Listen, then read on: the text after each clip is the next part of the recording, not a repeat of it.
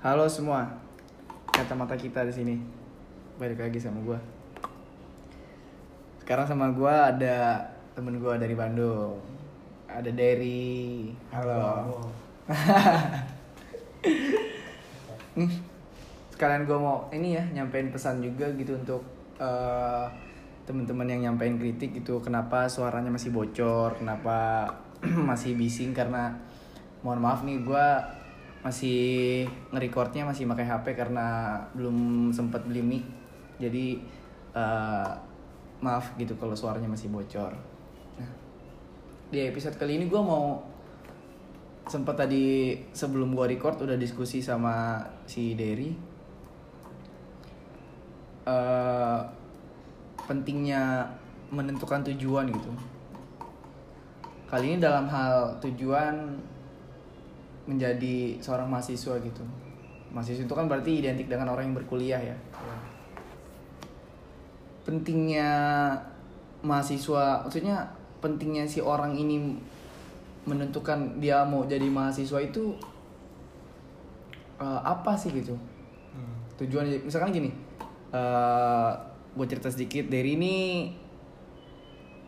udah S2 sekarang lagi studi sekarang lagi studi S2 nih S2 hukum gitu kan nah mungkin bahas sedikit kenapa pada akhirnya eh maneh memilih hukum gitu Hmm.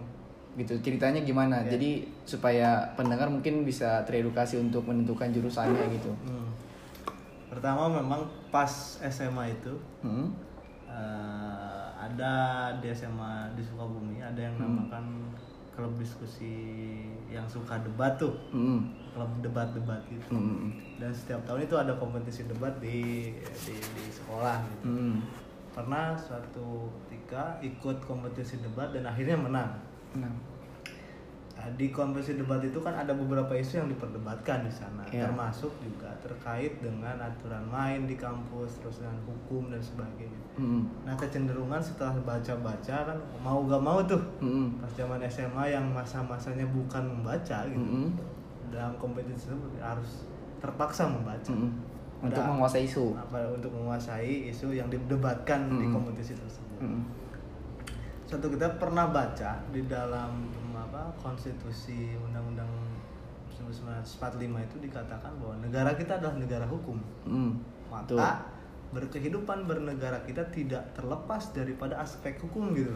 betul Nah, maka lalu alasan kenapa memilih hukum oh ternyata keren nih negara kita aja negara hukum gitu. Hmm.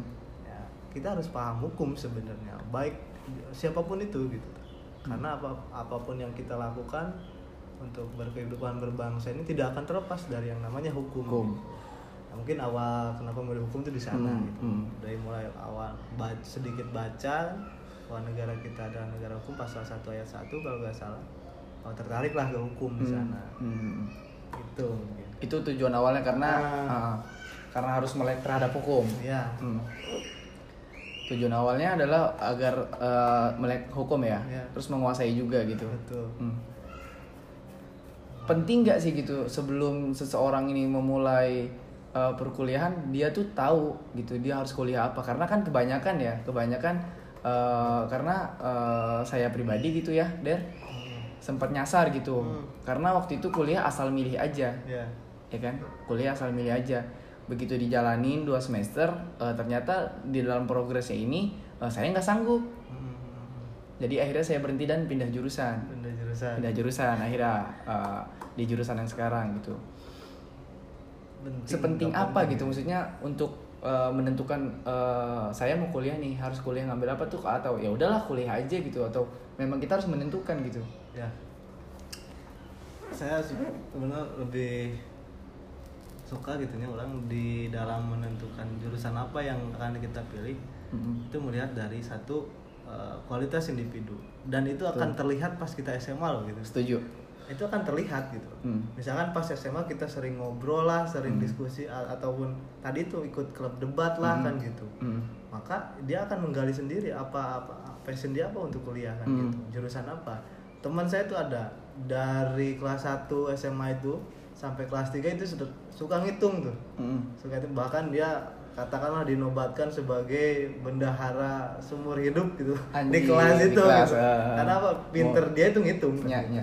nah maka eh, lihatlah dari pertama lihatlah dari potensi diri gitu Hmm. kita berkemampuan di wilayah apa gitu Hmm, setuju. Nah, berbasis realitas aja kemudian eh, pentingnya kita bergaul dengan temen tuh kalau temen tuh kan tahu ke kelemahan kita dan ke Lebihan. kelebihan kita di mana gitu Ya, ya. kan pernah pernah ngobrol sama teman oh lu lebih lu di sini nih lu ngobrol lah dan sebagainya oh ternyata garisnya ke hukum dan sebagainya Hmm. misalkan dalam segi apa pun di kelas dan sebagainya oh, ini orang nih suka ngitung nih Mm-mm. oh berarti kan kalau nggak ke akuntan kan dia setidaknya ekonomi bisnis Ekonomi dan bisnis. sebagainya kan Ya, gitu loh. hmm.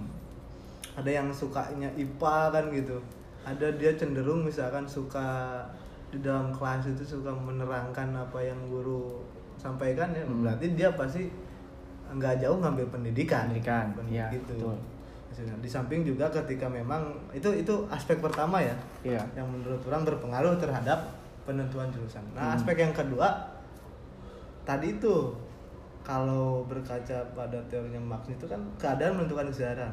Hmm, Maka keadaan menentukan kesadaran. keadaan itu menentukan kesadaran bahwa Hmm. bagaimanapun seorang tidak akan sadar apabila keadaannya tidak mendukung. Hmm. Benar kan?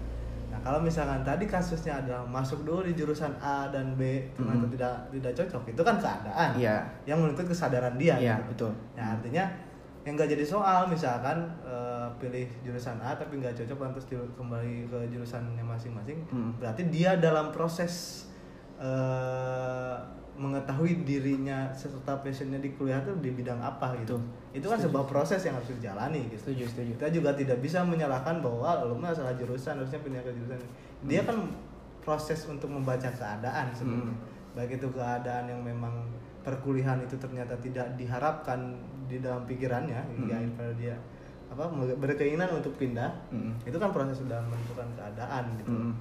adanya eh, misalkan gini nah aspek aspek yang ketiga yang berpengaruh Hmm.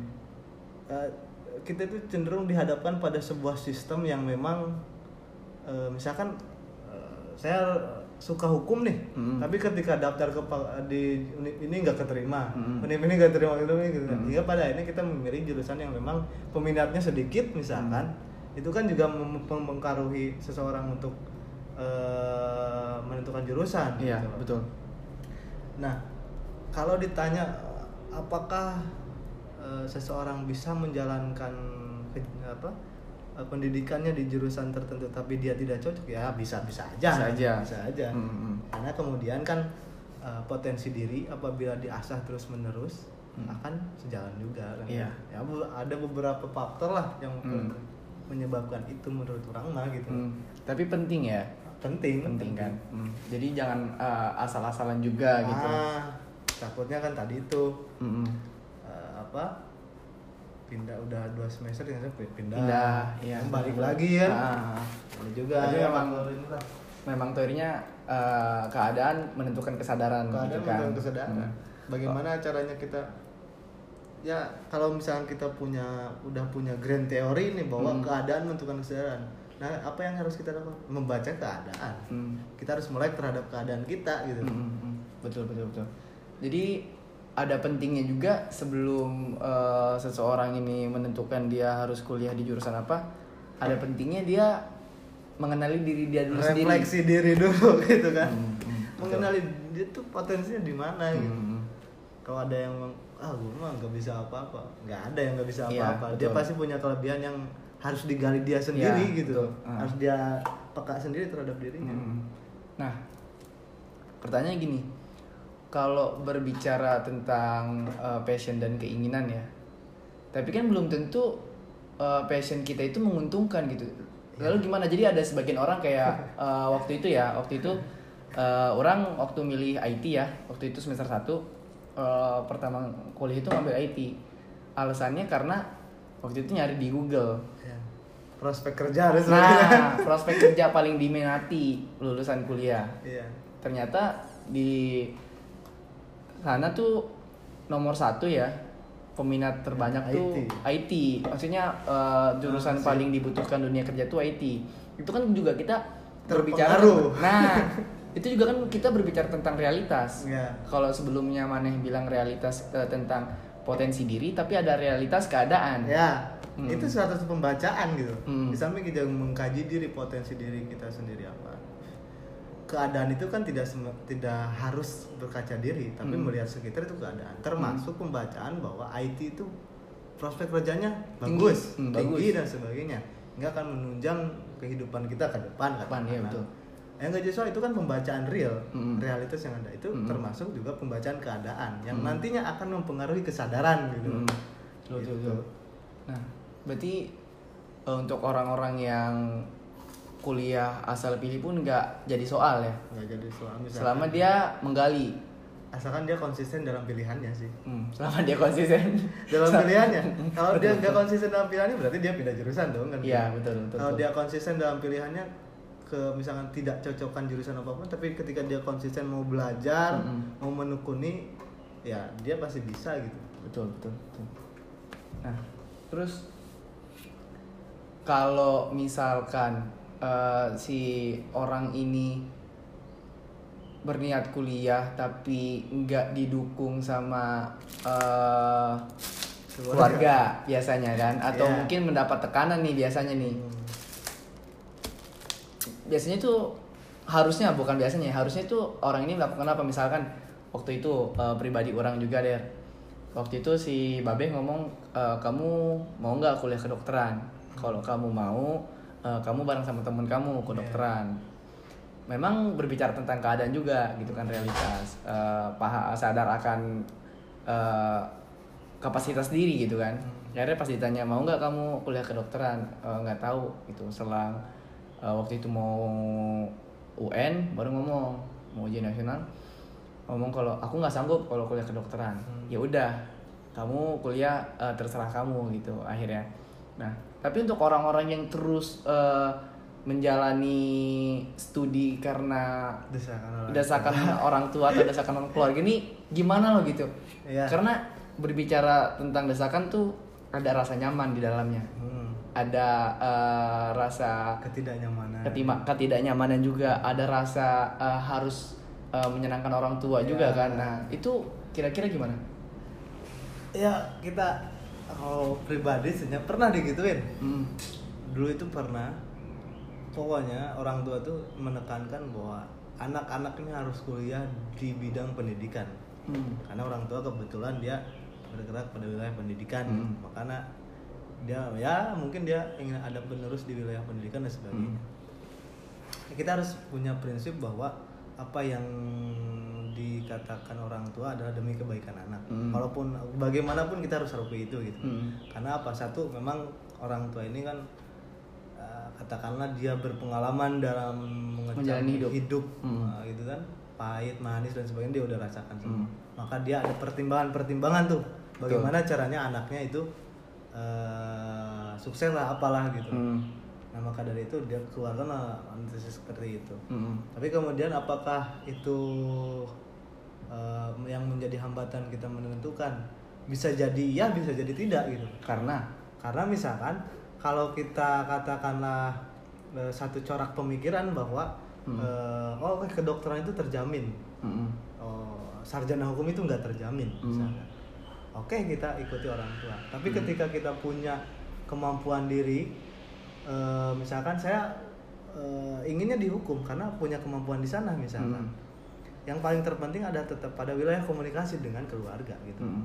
artinya kan ya kalau kata Basuna mah sakumaha bangor budak Hmm. bandelnya anak itu tapi tetap bakal diaku anak sama orang tua itu Betul, gitu iya, pada ke sana gitu. Hmm. yang paling terpenting adalah komunikasi yang kemudian harus didemokratiskan Hmm. karena orang sempat berpikir pun waktu itunya Hmm. Lah kok orang tua gue nggak demokratis nih Ah. otoriter nih gitu terhadap anaknya Iya, gitu iya, iya, iya. cenderung gitu gitu Hmm. tapi semua itu selesai eh, dengan pola-pola komunikasi yang baik betul sesuai misalkan sudah sesuai dengan keinginan orang tua ya tinggal dikomunikasikan bahwa saya gak mau nih jurusan ini saya punya kemampuan di jurusan ini insya Allah apabila orang tua meridoi saya akan sukses ke depan karena Hmm. kalau berbicara orang tua kan tetap eh, kalau terkait dengan jurusan ya penentuan Hmm. jurusan orang tua itu pengen jurusan ini tuh supaya anaknya itu terjamin masa depannya gitu Hmm. itu doa gitu kan Hmm. Uh, kerjanya ada dan sebagainya jelas dan sebagainya itu Hmm. semua orang tua di sana kan Hmm. ya repot juga kalau misalkan kita udah punya pandangan bahwa kuliah itu bukan untuk kerja tapi Hmm. untuk pengetahuan itu kan repot juga Hmm, kalau oke. berbenturan dengan orang Ah, tua itu oke. gitu Nah, ini nanti nih, itu mau kalau orang bahas dulu tapi enggak nih, Iya, nanti boleh, itu di boleh. belakang ya. Nah, tanyanya, hmm, kalau berbicara tentang kuliah tuh ada rasa nyaman dan tidak ya. Hmm. Lalu yang menjadi eh, indikator untuk menja eh, indikator untuk eh, memperhitungkan kita nyaman atau tidaknya itu apa gitu? indikator nyaman atau tidaknya Hmm. misalkan dalam segi ilmu memang katakanlah orang itu tidak bisa dipatok pada hal misalkan pembelajaran di kelas Mm-mm. tapi dia juga dalam segi filsafat kan ada beberapa ilmu yang visual yang mendapatkannya dengan cara visual Mm-mm. ada juga yang dengan cara non visual gitu Hmm, dengan indera-indera yang lain lah Iya gitu. iya. kalau melihat misalkan kecenderungan bahwa mahasiswa hari ini jarang kuliah gitu Hmm. lebih suka aktif di luar nah itu ajang untuk mencari ilmu pengetahuan dia sama tuh Mm-mm. tapi ketika memang ditanya nyaman atau tidak Hmm. indikatornya itu jarang kuliah enggak juga kan Hmm, gitu betul. nah Hmm, kayak setuju. gitu apakah indikator nyaman itu selalu berbanding lurus dengan dia selalu kuliah kan enggak juga Mm-mm. bisa jadi dia terpaksa juga kuliah itu kan Mm-mm. Nah, menurut orang sih ketika memang konteksnya indikator kenyaman itu Hmm. ada pada wilayah dia mengerti tidak terhadap apa yang dia pelajari. Mm-mm. Kalau tidak nyaman berarti indikatornya adalah dia tidak mengerti apa dia yang yang dia pelajari. Betul. Segitu aja gitu. Mm. Kalau dia misalkan nyaman ya indikatornya dia mengerti apa yang dia pelajari gitu. Mm. Indikatornya Nah, betul. Kalau nggak nyaman ya indikatornya dia tidak mengerti apa yang dia pelajari. Bukan indikatornya bukan dia jarang masuk kuliah. Hmm. Ada orang yang jarang masuk kuliah tapi mengerti apa yang dia pelajari kan Hmm. itu termasuk nyaman kan gitu. Mm. Kalau misalkan ya itulah. Jadi indikatornya menurut orang pribadi sih Hmm. ketika memang seseorang itu nyaman atau tidak di jurusan ini Hmm. ya tanya aja dia ngerti gak jurusannya Mm-mm. pengetahuan yang diberikan di jurusannya itu terkait apa dia ngerti gak? Hmm. Kalau ngerti ada beberapa pengertian dan dia mendalami ya dia nyaman gitu. Mm, betul. Gitu. Berarti eh, seperti halnya yang dikatakan sama eh, Tan Malaka, Ya, terbentur, terbentur, terbentur, Terbentuk. dan terbentuk akhirnya gitu. Memang kita hidup tuh memang akan mendapat benturan untuk benturan. mendapatkan bentuknya gitu Iya. kan. Hmm, betul, dan betul, betul, betul. ya, mengkritik juga. Kenapa Tan Malaka menyebutkan terbentur itu tiga kali? Mm-mm. Kan gitu. Kenapa nggak sekali aja gitu? Iya. Terbentur, terbentuk. Hmm. Kenapa Tan Malaka mengatakannya tiga kali? Berarti kan ada indikasi bahwa benturan itu bisa kita tentukan apa aja yang bisa membentuk kita gitu. Mm-mm. Kenapa sampai tiga kali dikatakan terbentur, terbentur, terbentur lalu terbentuk? Mm. Berarti kan dalam segi benturan itu kita bisa milih-milih nih. Mm. Oh kita ingin terbentuk, maka kita akan memilih benturan ini. Hmm. Maka kita akan memilih benturan ini supaya Hmm. kita terbentuk. Betul. Nah berarti kan kayak gitu gitu. Hmm. Nah, kalau tadi berbicara tentang eh, menentukan tujuan jurusan eh, kuliah. Hmm. Nah, kalau sekarang nih yang tadi Udah mulai serius nih, ah, udah mulai ke mahasiswanya nih kayaknya. Nah, kalau yang eh, sekarang nih tujuan kuliah. Kalau tadi kan tujuan memilih studi nih. Iya. Ya kan nah. Kalau sekarang nih apa pentingnya menentukan tujuan kuliah? Hmm. Kalau eh, orang pribadi dan Ya. menentukan kuliah eh, tujuan kuliah orang teh untuk belajar weh hungkul gitu Iya.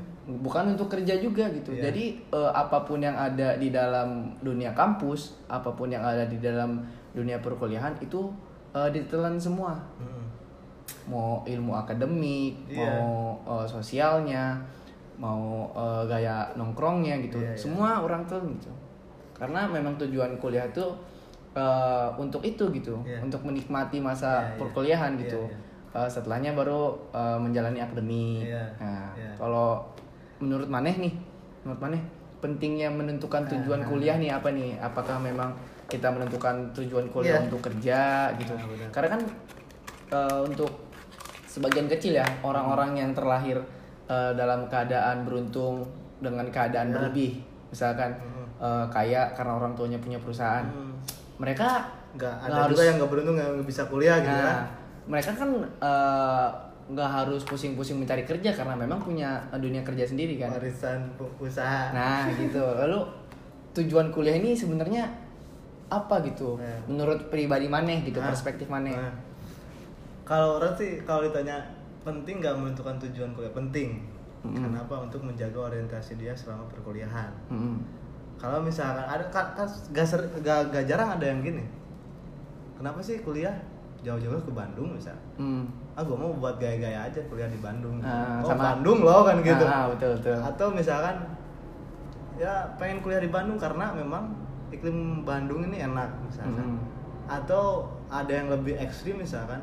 Kenapa pengen kuliah di Bandung? Supaya netap di sana dan ya katakanlah kalau misalnya saya di Sukabumi di Sukabumi nggak ada tempat dugem. Oh, di Bandung iya. ada tempat dugem. Ah, ada orientasi ah, iya, kayak iya, gitu iya, kan. Iya kayak mana sekarang mana kan dari Sukabumi. kan ke Bandung kan Kuliah di apa Bandung. nih? Nah, tujuannya- ada juga yang kayak gitu Ah, ekstrimnya gitu iya. lah. ada juga yang kayak gitu Mau mencari hiburannya nah, gitu, kan gitu tujuannya. dengan Nah, terkenal kota Bandung dan sebagainya Hmm. ada yang kayak gitu nah pentingnya di situ untuk menjaga juga dia tetap konsisten pada tujuannya Mm-mm. bagi orang tujuan berkuliah itu satu tadi itu mencari pengetahuan sebanyak banyaknya dan seluas-luasnya Mm-mm. gitu loh karena apa dalam historis pembuatan universitas ataupun institut sekalipun mm-mm. Itu pada hakikat tujuannya dibangun universi universitalitas Hmm. ataupun ruang akademis Hmm. itu kan tetap pada wilayah kajian yang memang itu mengasah pengetahuan dan keilmuan gitu Hmm. bukan pada wilayah kerja gitu Betul. kerja produktif kerja ekonomi dan nggak ke sana gitu Hmm. lihat aja cek para ilmuwan-ilmuwan yang apa eh, mengumpulkan teori atas dasar keilmuannya dia tidak bekerja atas keilmuannya gitu Hmm. Ya berarti kan hakikat dari pendidikan itu bukan untuk kerja Hmm. apalagi kita selalu mengidentikan bahwa kuliah itu ha- hanya untuk mendapatkan ijazah untuk legalitas terhadap pekerjaan Betul. kan ada juga itu yang kayak gitu Hmm, betul, betul, ada betul. orang mah kuliah aja dah supaya menang ijazah orang supaya bisa gawe kan gitu Hmm, hmm, hmm, Nah, betul. berarti kan catatan nilai akademis pengetahuan itu tidak bisa dikertaskan gitu Hmm. itu bergeraknya pada wilayah hal yang gaib Hmm. pengetahuan itu oke katakanlah IPK di jasa 3,90 dan sebagainya Hmm. tapi kan nggak bisa mengukur pengetahuan intelektual seseorang dengan ijazah 3,90 IPK-nya Hmm. tapi intelektual dan pengetahuan itu bergerak pada wilayah non materialis Hmm. artinya itu ideologi artinya gaib gitu loh. Iya, Ma- karena ada di dalam kepala. kepala gitu loh. Hmm, hmm. Nah, makanya tadi orientasi kuliah itu ya tetap pada wilayah dia mencari ilmu pengetahuan. Eh, selepas dia mencari ilmu dan pengetahuan kan tetap pada wilayah pengetahuan dan ilmu harus bermuara pada wisdom, kebijaksanaan. Yang gimana yang bijaksana? Pertanyaan kembali muncul gitu. loh. Hmm. Nah, menurut orang yang disebut bijaksana dan wisdom adalah keberpihakan pengetahuannya. Setelah dia lulus S1, misalkan dia punya ilmu pengetahuan, punya wawasan luas, harus bermuara pada wisdom dan kebijaksanaan, berarti Hmm. dia harus menentukan sikap bagaimana keberpihakan pengetahuannya. Hmm. Misalnya saya punya ilmu nyolong, Hmm. saya menggunakan pengetahuan saya untuk yang akan nyolong kah atau orang yang akan menangkap nyolong itu kan keberpihakan pengetahuan orang gitu. Betul.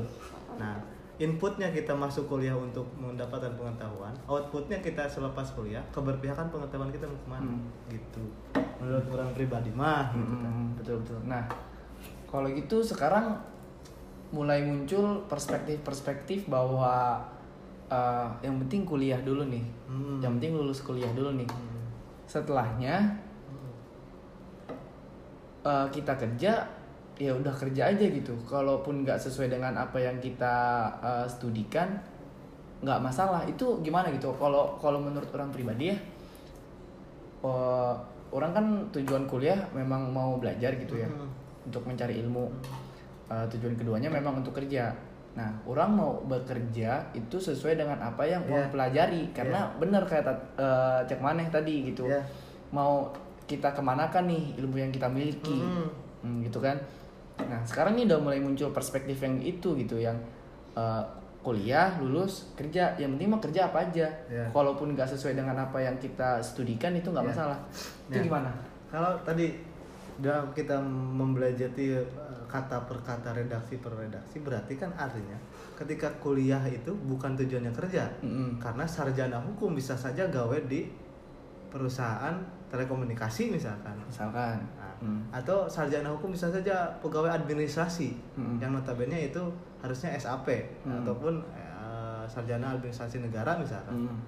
Ya, artinya kan keilmuan itu tidak bisa ditransformkan terhadap pekerjaan jenis pekerjaan Hmm.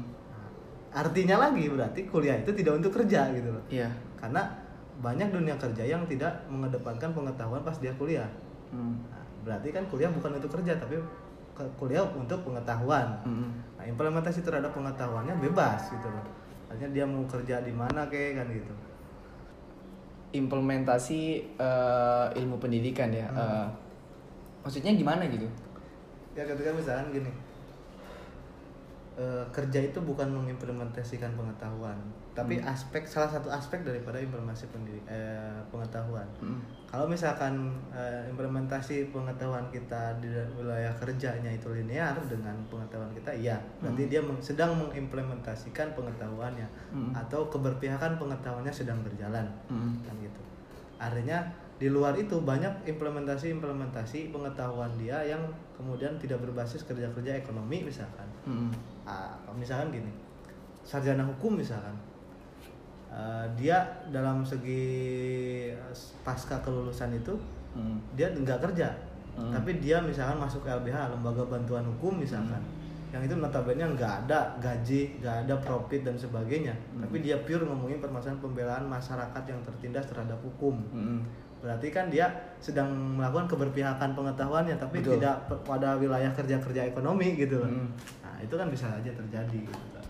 tidak bentuk pengimplementasian ilmunya tidak harus bekerja dengan keuntungan yang dia dapat Hmm. tapi bisa juga gerakan sosial dan sebagainya gitu. Hmm. Oke, jadi tapi yang jadi pertanyaan ya untuk apa dipelajari kalau pada akhirnya nggak dipraktekkan gitu? Iya. Ya harus dipraktekkan, tapi pada wilayah praktek apa nih kan itu? Hmm. Bisa jadi praktek kerja ekonomi bisa, Bisa, oke. kerja non ekonomi bisa gitu. Hmm. Yang penting dia secara keberpihakan pengetahuan mengimplementasikannya dalam berkehidupan dia selepas um, menimba ilmu gitu. Hmm. Yang tadi itu contohnya ada yang masuk LBH. Hmm. LBH kan nggak ada duitnya, dia Hmm. nggak digaji. Hmm. Tapi dia fokus mengimplementasikan pendampingan masyarakat lah di pengadilan. Hmm. Dia mendam- mendampingi masalah itu paham hukum gitu loh. Iya. Nah, mengimplementasikan tapi dia nggak caranya nggak ekonomi gitu. Oke. Nggak mendapat keuntungan. Ada juga yang mengimplementasikan pengetahuannya terhadap kerja-kerja ekonomi ada. Dan itu kalau dikatakan salah enggak gitu. Itu pun benar gitu kan. Iya. Nah, gitu aja gitu. Untuk diimplementasikan pada akhirnya pengetahuan itu karena pengetahuan itu bersifat kekayaan yang tidak terlihat menurut Bang, ya.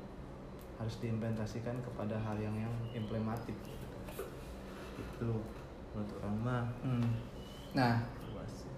jadi berbicara secara umum nih tujuan-tujuannya eh, ngambil studi dan Ya. tujuannya kuliah. Nah, berbicara tentang pengalaman nih. Ah. Ah, pengalaman maneh gimana nih? Udah selesai S1 sekarang jalan S2. Hmm. Nah, di dalam dunia kampus tuh secara spesifik ya kita bicara eh, tentang fakultas hukum. Iya. Nah, pengalaman-pengalaman apa nih yang bisa didapat dari eh, fakultas hukum sedangkan nggak didapatkan oleh fakultas lain? ya Hmm, apa coba?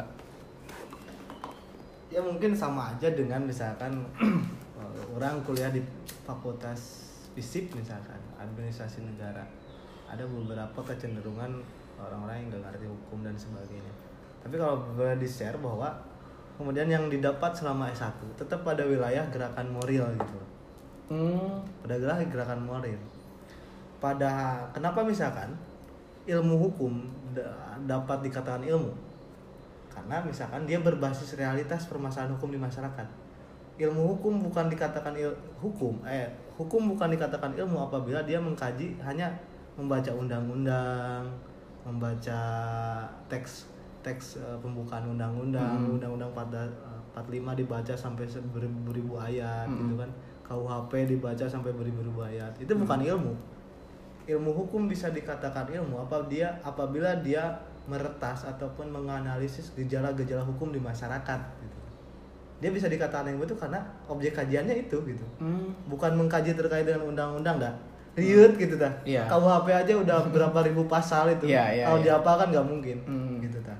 Bukan mempelajari itu ternyata ilmu hukum, tapi mempelajari bagaimana gejala-gejala permasalahan hukum di masyarakat Mm-mm. tapi tetap berdasarkan teori yang ada kan gitu Mm-mm. tapi yang lebih dominan adalah ngomongin permasalahan gejala hukum di masyarakat nih Mm. lagi apa nih pertentangan masyarakat hari ini gitu oh Hmm. ternyata masyarakat hari ini cemas apa cemas dengan adanya LGBT misalnya Hmm. yang nggak ada aturannya di Indonesia gitu Mm. nah, berarti kan itu gejala hukum Mm. yang harus dibaca gitu kan hingga pada akhirnya bermuara pada aturan main yang dirumuskan gitu. Mm. banyak banyaknya ke sana sih kalau di di hukum itu. Jadi di samping juga kita punya pengalaman terkait dengan bagaimana sih pembelaan di pengadilan Mm, gitu. kan. mm. gitu gitu aja. Jadi kalau orang yang berniat nih bertujuan mau kuliah hukum tuh yang harus disiapkan apa nih? ya. Apa nih yang harus disiapkan?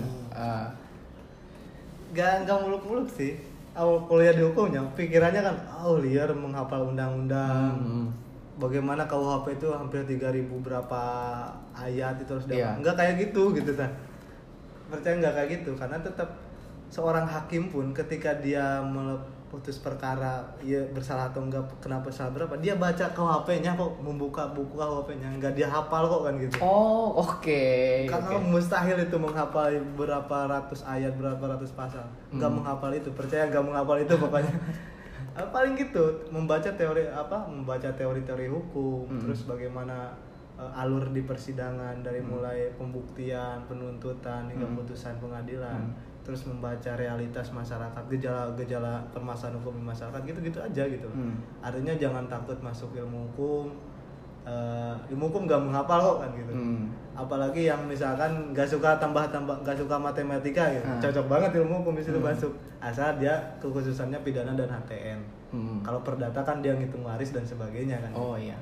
tapi pokok inti eh, di ilmu hukum itu adalah dia pokoknya karena kan siswa-siswa SMA sekarang kecenderungannya ah gak mau masuk ilmu hukum ah nanti gua disuruh ngapal pasal-pasal yang banyak Hmm. kecenderungannya kan ketakutannya gitu Iya. percaya nggak gitu gitu Ah, gitu ternyata nggak yang nggak seperti yang dibayangin ya. dibayangin gitu Ah. tuh. asik-asik aja kok gitu Nah, kalau berbicara hukum nih ya, itu kan kita berarti eh, membantu orang yang katanya tertindas eh, oleh hukum. ya implementasi Nah, gitu Implementasinya ya.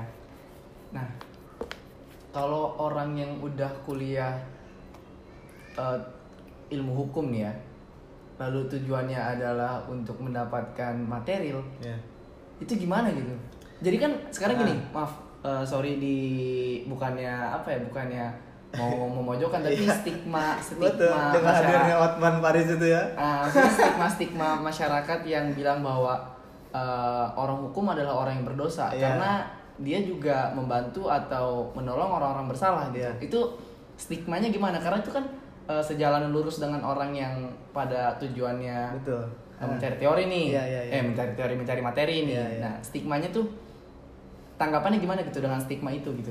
bisa jadi iya bisa jadi tidak Karena karena ada beberapa eh, praktisi hukum yang melakukan itu praktisi Soalnya hukum tuh maksudnya? Hakim pengacara Oh, jaksa itu hmm. praktisi hukum semua tuh. Mm, praktisi hukum yang yang mempraktekkan hukum gitu. mm, ada yang melakukan itu iya. Mm, contoh kasus misalkan ada pengacara yang disuap ada. Hakim yang disuap pun ada. Jaksa yang disuap pun ada. Yang Hmm. notabene adalah sarjana hukum. Mm, Nah, kalau itu yang buruknya ada. Eh, eh, pengacara yang jujur, yang sehat, yang kemudian nggak gitu ada. banyak. Hakim yang nggak eh, gitu ada. Hmm. Yang dia jujur-jujur aja gitu, Hmm. eh, sesuai dengan aturan yang main yang ada, ada gitu. Mm, Jaksa yang bersih, yang jujur ada gitu kan. Hmm. Itu kan tergantung kemudian oknum yang memainkan perannya aja gitu. Hmm. Artinya setiap cabang, eh, setiap sarjana apa pun mempunyai oknumnya masing-masing kok kan Hmm, gitu. betul. Kita nggak terlalu nggak nggak usah terlalu bawa. Karena gini, contoh kasus bahwa ada kesalahan persepsi terkait dengan misalkan pengacara.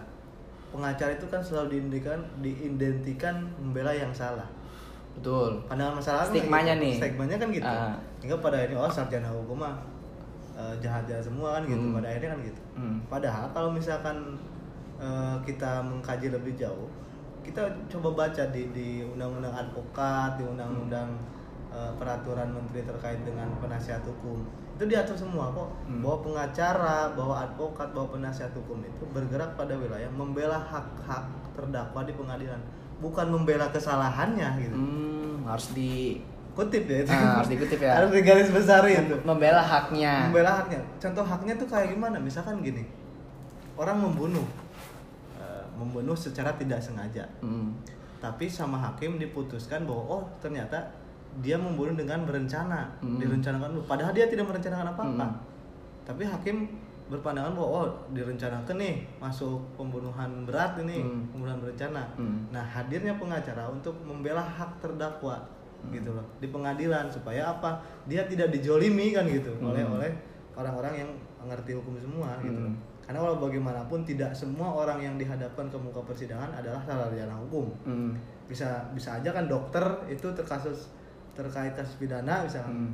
dia kan nggak ngerti hukum makanya harus didampingi kan gitu Hmm. yang harus digarisbawahi adalah pengacara tidak membela kesalahan Hmm. tapi pengacara membela hak terdakwa apabila dirampas di pengadilan karena apa di dalam teori hukum ada yang mengatakan bahwa dari mulai hakim jaksa sampai terdakwa sampai penasihat hukum itu empat unsur yang ada dalam persi- meja persidangan Mhm. itu sama-sama sa- sama kedudukannya sebagai pencari kebenaran atau pencari keadilan gitu Hmm. semua ini pencari keadilan baik itu hakim jaksa pengacara terdakwa sekalipun Hmm. itu statusnya sama pencari keadilan Oke. nah maka eh, keempat ini harus harus mencari keadilan seadil-adilnya Hmm. termasuk juga pembelaan penasihat hukum yang membela haknya bukan kesalahannya Hmm. gitu. Hmm. gitu Oke, nah makanya dilurusin ya, maksudnya harus untuk orang-orang yang nih, ya. yang masyarakat kan cenderung Ya. pengacara banyak duit banyak membela orang yang nggak bener nih Hmm, kan juga. nggak juga kayak gitu Hmm, itu mah nah. cuman ini gitu Nah, berarti nggak semua yang eh, berbasis ilmu hukum tuh membela orang yang salah ya? Iya. Itu semua cuma oknum. Oknum. Ya, mau ilmu hukum, mau ilmu Semua komunikasi, juga ada ya, oknum, dokter gitu. itu. Itu kita berbicara tentang oknum Iya. ya. Nah, oke. oke. Lalu pertanyaan pertanyaannya, apakah ilmu hukum itu selalu eh, orang yang belajar ilmu hukum itu selalu eh, lahir menjadi seorang advokat ataukah eh, selalu lahir menjadi seorang hakim gitu? nggak nggak Jadi, juga Prosesnya gimana? ya misalkan saya sarjana hukum Hmm. Sekarang magister nih bentar lagi. saya magister hukum katanya Heeh. banyak kalau udah ngomongin prospek kerja berarti nih Nah, ya. Ini prospek kerja Ya, anak fakultas hukum nih. ada fakultas hukum nih Hmm. misalkan gini dosen-dosen itu selalu menegaskan bahwa di fakultas hukum sarjana hukum itu seperti kedokteran dia selepas hukum bisa buka praktek di rumah katanya kan Hmm. gitu Hmm. dokter kan jelas bisa bu- buka praktek di rumah Hmm. sarjana hukum pun bisa buka praktek di rumah gitu. Hmm. bisa membuat kantor hukum gitu loh Hmm. kantor hukum yang memang dia profit gitu misalkan Hmm. ada permasalahan hukum lu aja lu, lu datang aja ke kantor gua kan gitu Hmm. Eh, kontraknya oke gua eh, apa dampingi kasus ini tapi 10 juta ya Hmm. itu kan real gitu kan itu kan Iya.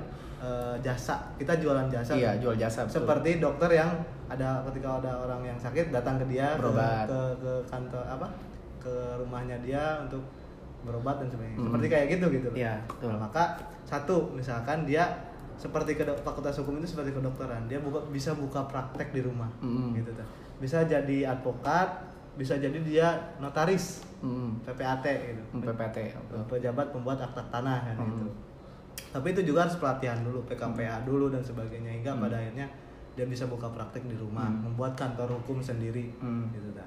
nah di samping juga dia bisa eh, katakanlah jadi jaksa Hmm. jadi hakim Hmm. kemudian jadi apa eh, hakim di pengadilan negeri ke Hmm. jaksa agung Hmm. ke kan gitu Hmm. dan ada sekian ribu lapangan pekerjaan termasuk setiap perusahaan itu pasti ada biro hukumnya Betul. Nah, gitu loh Wah, banyak lah itu. Iya, kita, eh, bahas satu-satu nih. Kalau orang yang lahir dari ilmu hukum menjadi seorang pengacara tuh eh, prosesnya, Oh, prosesnya. gampangnya apa nih yang bisa dimengerti yang bisa dimengerti nih gampangnya? Ya. kalau misalnya mau jadi pengacara nih sarjana hukum Mm-mm. nah, gampang misalnya udah wisuda dan sebagainya jasa udah dapet Mm. tinggal bagaimana caranya kita PKPA PKPA itu apa? itu adalah pelatihan profesi advokat Mm-mm. Nah, di sana akan diajarkan beberapa teori tentang acara pidana kayak gimana perdata kayak gimana Hmm. hukum acara di HTN gimana hingga pada akhirnya kita paham bagaimana apa yang harus kita dilakukan di persidangan Hmm. gitu di PKPA tuh Hmm, Nah, itu untuk menjadi seorang advokat. eh, advokat. daftar Ah. PKPA yang Hmm. ngadainnya itu biasanya Pradi Persatuan Advokat Indonesia Hmm, hmm. itu yang ngadain itu uh, Pradi ikutan advokat nanti Hmm. dites dites advokat baru ketika kita umur 25 tahun kita Hmm. bisa bersumpah dan bisa langsung kerja langsung Hmm. membuka kantor hukum Oh, berarti Langsung- harus Nunggu dulu umur 25 tahun baru 25 kita tahun bisa, jadi advokat. advokat disumpah namanya Hmm. kalau misalnya saya sekarang umur 23 misalkan Hmm.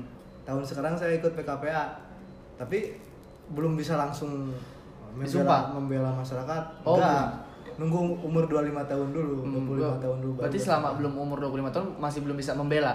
Biasanya magang-magang dulu Magang-magang. ikut-ikut pengacara dulu untuk Hmm. lebih mendalami itu gitu Hmm. kalau jadi pengacara biasanya kayak gitu Hmm, itu- baru ketika umur 25 disumpah baru bisa beracara di pengadilan Hmm, itu kalau menjadi seorang advokat. Advokat. Nah, kalau kita berbicara menjadi seorang jaksa nih. jaksa oke nah, nah ini hari hari ini tuh eh kemarin Ah, ada eh, kalau jaksa kan dia eh, di bawah naungan kekuasaan eksekutif hmm. hadir hadirnya hukum di dalam masyarakat perwakilan presiden kan di jaksa Hmm. nah, artinya dia secara hierarkis atau secara teori tri- trias politika dia menginduk ke eksekutif Eksekutif. Hmm. artinya kalau masuk ke eksekutif pada wilayah CPNS dong kan gitu Oh, Nah, oke. CPNS dulu kalau menjadi jaksa itu. Hmm. Kita CPNS dulu, kita jadi PNS misalkan, kita diangkat jadi jaksa misalkan. Nah, itu track record untuk jadi jaksa. Jaksa. Karena hari- kemarin tuh Senin itu ada formasi penerimaan pekerja baru di kejaksaan. Hmm. Sekitar 1000 jaksa dibutuhkan di seluruh wilayah Indonesia. Hmm. Gitu. Oke. Itu kalau jaksa. Nah, kalau untuk menjadi seorang hakim nih. Hakim pun sama. Ketika memang kita pengen jadi hakim, kita harus eh, setidaknya masuk ke lingkaran pengadilan, baik itu sebagai PNS ataupun apa. Hmm. Nah, ketika kita sudah memahami kondisi katakan pengadilan, kita bisa tuh tes cakim, calon Hmm. hakim. Kita bisa ikut tes cakim itu. Hmm. Dan syaratnya pun nggak mau- nggak nggak harus dokter lah, nggak harus profesor, cukup sarjana hukum aja dia bisa jadi Hakim. calon hakim gitu. Hmm. Calon hakim di misalkan, oh ternyata disumpah bisa beracara jadi hakim. Karena kan perlu proses panjang buat menjadi hakim itu termasuk Hmm. juga uh, track record dia selama gak jadi hakim itu gimana Hmm. termasuk dengan akhlaknya kan Hmm. gitu itu dibaca Integritas. semua gitu Hmm. kenapa ya kalau misalkan anak-anak hukum bisa apa sering ngomong hakim itu 50% neraka 50% surga itu gitu. Anjir. dia bisa seketika masuk neraka gitu dengan Hmm. keputusannya Hmm. makanya sering juga anak hukum mengatakan bahwa wakil Tuhan di bumi ya hakim gitu. Hmm. dia yang berhak menentukan siapa yang salah dan siapa yang benar Hmm. itu kan kewenangan Tuhan seharusnya Iya. tapi diwakilkan terhadap Iya. hakim katanya makanya 50% surga neraka 50% nya lagi ah. cenderung ada yang salah juga kan gitu Hmm. gitu Nah. ya dia tes cakim dulu gitu Oke, nah kalau maneh pribadi nih, hmm. ini katanya kan memang tujuan kuliah memang untuk belajar. Iya. Nah, mengimplementasikan ilmunya mau dibawa ke mana nih? Sebenarnya nggak harus nunggu lulus dulu baru mengimplementasikan Hmm. orang dari 2017 eh dua ya 2017 sekitar semester 6 itu sudah include terhadap eh, kerja-kerja di LBH Hmm. kebetulan di LBH Bandung Hmm. lembaga bantuan hukum ada di sekretariatnya itu dekat Jalan Suci Hmm. udah include di sana juga gitu Hmm. menangani beberapa kasus yang memang itu free gak ada bayaran apa pun gitu. Hmm. Misalkan masyarakat nih ada yang digusur Hmm. tapi dia nggak ngerti hukum kita dampingi Hmm. sebenarnya nggak nggak terlalu terpatok pada kelulusan ya Hmm. kita belum lulus pun bisa mengimplementasikan eh, pengetahuan sedikit yang kita punya ke terhadap masyarakat Ya, termasuk itu eh, ini pengen ke depan tuh cita-cita pengen aktif juga di LBH gitu lembaga Hmm. bantuan hukum lebih intens lagi di LBH karena apa dia real ngomongin permasalahan eh, pembunuhan kelas itu Hmm. bahwa kemudian masyarakat biasa yang nggak ngerti hukum harus paham hukum Hmm. kan gitu masyarakat biasa yang ditindas oleh penguasa terhadap eh, hukum Hmm. dia bela kan itu Hmm. kan gerakan sosial yang kemudian tidak profit tapi pahalanya gede gitu Nah, gitu surga lah. Nah, mencari surga. Itu gini. tapi kemudian eh, kita juga ke depan pasti realistis ya Nggak mungkin pasti. kita juga itu misalkan oke lah selepas kita lulus 1 2 3 tahun kita di LBH dan sebagainya Hmm. untuk mendidik diri ya Hmm. mendidik diri supaya lebih mateng eh, lebih beracaranya lebih pasti dan sebagainya setelah tiga tahun pengabdian di LBH misalkan oke kita mau cabut pengen jadi jaksa yang nggak jadi soal Hmm.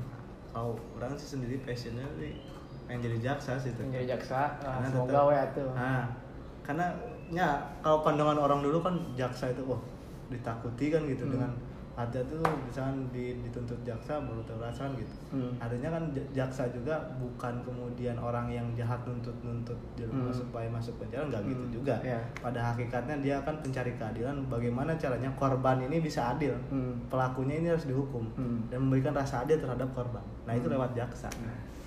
Bagus bagus nah. Tadi ngomong eh, masyarakat yang tertindas oleh hukum ya. Iya. Seberapa penting sih manusia eh, manusia masyarakat tuh harus melek terhadap eh, harus melek eh, terhadap hukum?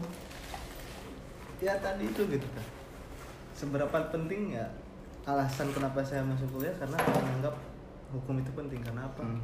Undang-Undang Dasar 45 menyebutkan bahwa pasal 1 ayat 1 Hmm. negara Indonesia negara hukum Hmm. mau ente tidur sampai bangun eh mau bangun sampai tidur lagi itu Hmm. diatur hukum gitu Hmm. Karena apa hukum itu kan mengatur hak seseorang agar tidak dilanggar oleh hak orang lain Hmm. Oke kita menganut bahwa kebebasan, Hmm. tapi jangan sampai kebebasan tersebut justru merenggut hak orang lain. Betul. Nah itu di dalam hukum itu. Hmm. Maka kenapa disebut penting hukum itu? Karena dia eh, sebagai kontrol terhadap kondisi sosial. Hmm. Kalau nggak kita bisa bayangkan bahwa kalau di dunia ini nggak ada hukum ya bebas-bebas aja misalkan bakar rumah tetangga nih, nah bakar aja. Udah kayak Mau GTA. siapa, ah, siapa yang mau mau mau ngomong kita gitu? Hukumnya nggak ada kan? Iya, iya. Makanya di situlah pentingnya hukum. Nah kenapa masyarakat harus paham hukum? Jangan sampai eh, sering terjadi masyarakat itu justru dibodoh-bodohi oleh hukum. Hmm. Nah, kasus yang terkini tuh yang nenek-nenek yang ditipu itu yang suruh tanda tangan Iya. padahal dia akta jual beli iya. kan. Nah, itu dia lima puluh ribu ya. Ah, pada nya- akibat dia nggak paham hukum bahwa Hmm. apa yang dia lihat itu adalah kontrak perjanjian penjualan Hmm. yang notabene itu adalah surat hukum gitu. Hmm. Itu kan pengikat hukum. Perjanjian itu kan berupa surat itu adalah aspek hukum gitu. Hmm. Nah, maka ada beberapa masyarakat yang terkadang eh, dirugikan oleh hukum tapi Hmm. dia nggak nyadar gitu. Hmm. Makanya di sanalah penting hukum itu sendiri termasuk dengan advokasi ke masyarakat bahwa hari ini kalian-kalian ini sudah tertindas di wilayah hukum karena apa misalkan eh, digusur secara paksa Hmm. melalui perpres kah Hmm. melalui peraturan gubernur kah Hmm. Dan itu kan eh, menindas dengan cara hukum gitu Iya, betul. harus harus diadvokasi karena Hmm. banyak orang-orang yang dirugikan akibat dia nggak paham hukum Hmm. termasuk Oke. individu-individu makanya masyarakat ya diharapkan untuk paham hukum Hmm. gitu. Jadi intinya adalah kenapa masyarakat harus paham hukum agar mereka tahu eh, apa hak-hak mereka ya. apa hak mereka apabila dia kemudian dirugikan dia tahu Harus- bagaimana cara harus menggugat Hmm, hmm, Oke. Mungkin eh, cukup sampai sini aja ya. Semoga luar biasa Semoga eh, teman-teman yang ngedengar podcast ini juga eh, teredukasi lah dengan perbincangan gua sama si Derry ya. Eh, semoga teman-teman yang baru mau memulai kuliah bisa menentukan tujuan eh, Ya. studinya, Studinya ke mana. mau studi eh, ke mana, mau kuliah tuh tujuannya apa. Dan untuk teman-teman yang mau kuliah hukum mungkin nih menjadi referensi nih. bisa Ah, bisa cocok di nih? follow Ya, ntar ya, ntar dicantumin, oke? cewek-ceweknya aja tapi yang boleh Ya, Eh, terima kasih semua.